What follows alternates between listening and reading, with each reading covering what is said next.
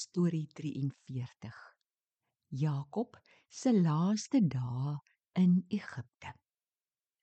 Genesis 47 tot 50.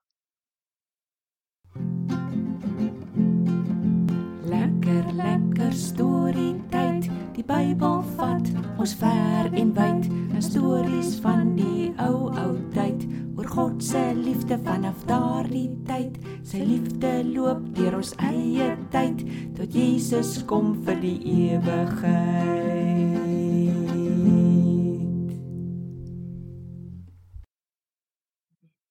Dag. Dag. Ras. Nus. Hallo maats en hallo Tobias. Hallo julle. Tannie. Ek probeer hierdie woord lees. Maar hy is darring te lank. Laat ek sien. O, begrafnisstoet. Begrafnisstoet. Wat 'n ding is dit? Die woord word gebruik vir begrafnisse. Dit is al die karre en mense wat saam agter die voertuig met die kus in ry of loop. O, so dis 'n hartseer woord. Jy kan seker so sê ja. Maar die woord gee my sommer nou 'n idee vir 'n storie vir vandag.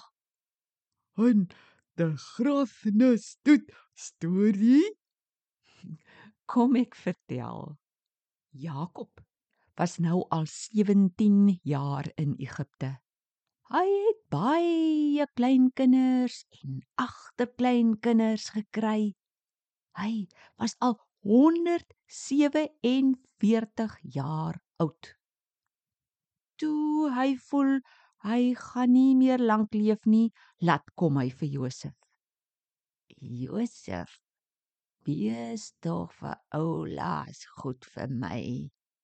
Beloof my dat jy my nie in Egipte sal begrawe nie, maar in die graf waar my oupa, ouma, pa, ma en my een vrou Lia begrawe is. Sit jou hand onder my heup om dit te beloof. Josef sê toe: Ek sal maak soos pa vra. Josef het 'n eed afgelê wat beteken dat hy nooit sy belofte mag breek nie. Jakob het voor God gebuig daar op sy bed. Kort daarna raak hy siek en Josef en sy twee seuns gaan kuier toe by hom. Dit was mos Manasse en Efraim tannie. Ja, jy onthou mooi.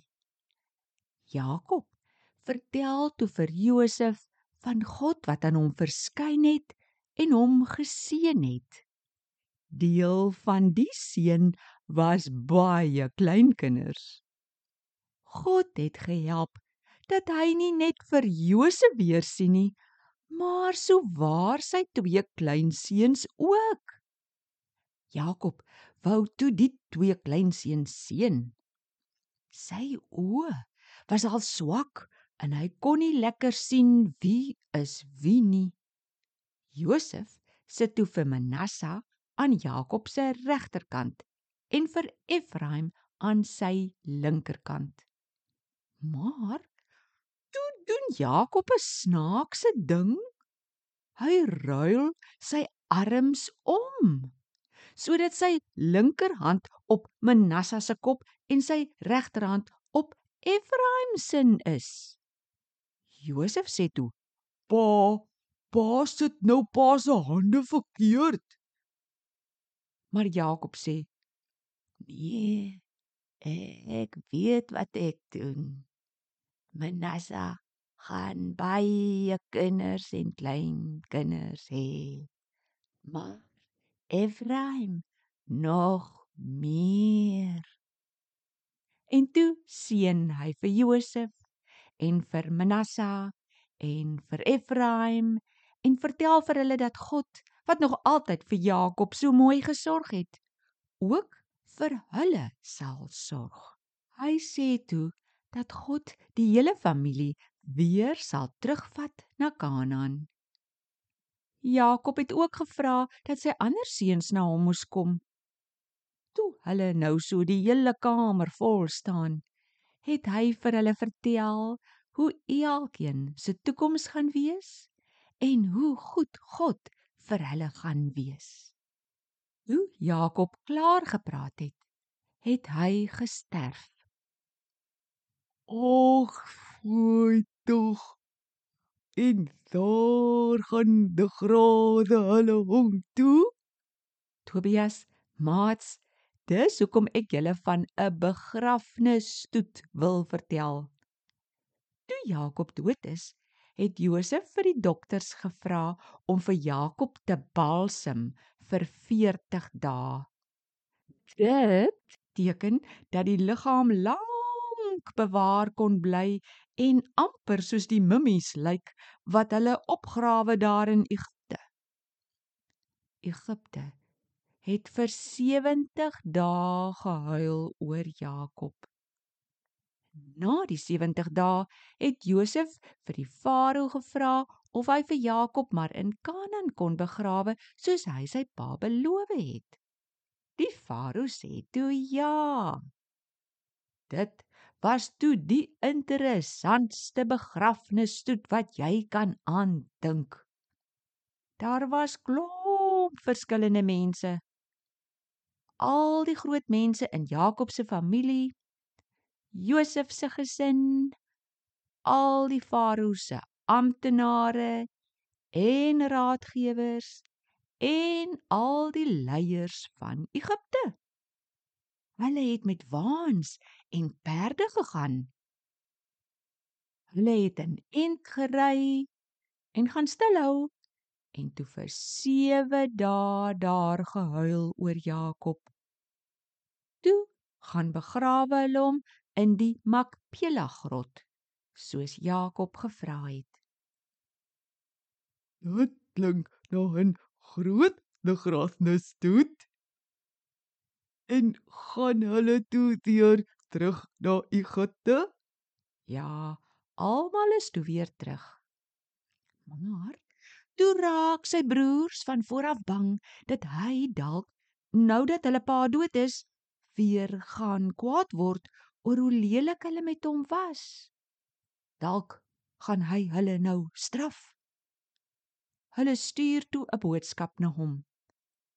Vergewe ons asseblief vir wat ons aan u gedoen het. Ons dien ook die God van ons pa.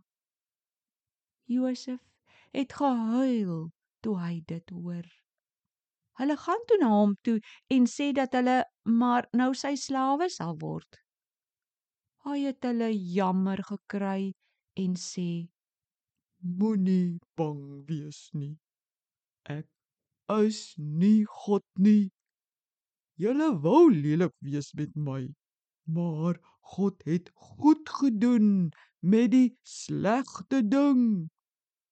Kyk net hoeveel mense het bly lewe omdat ek Egipte toe moes kom. Dan nie.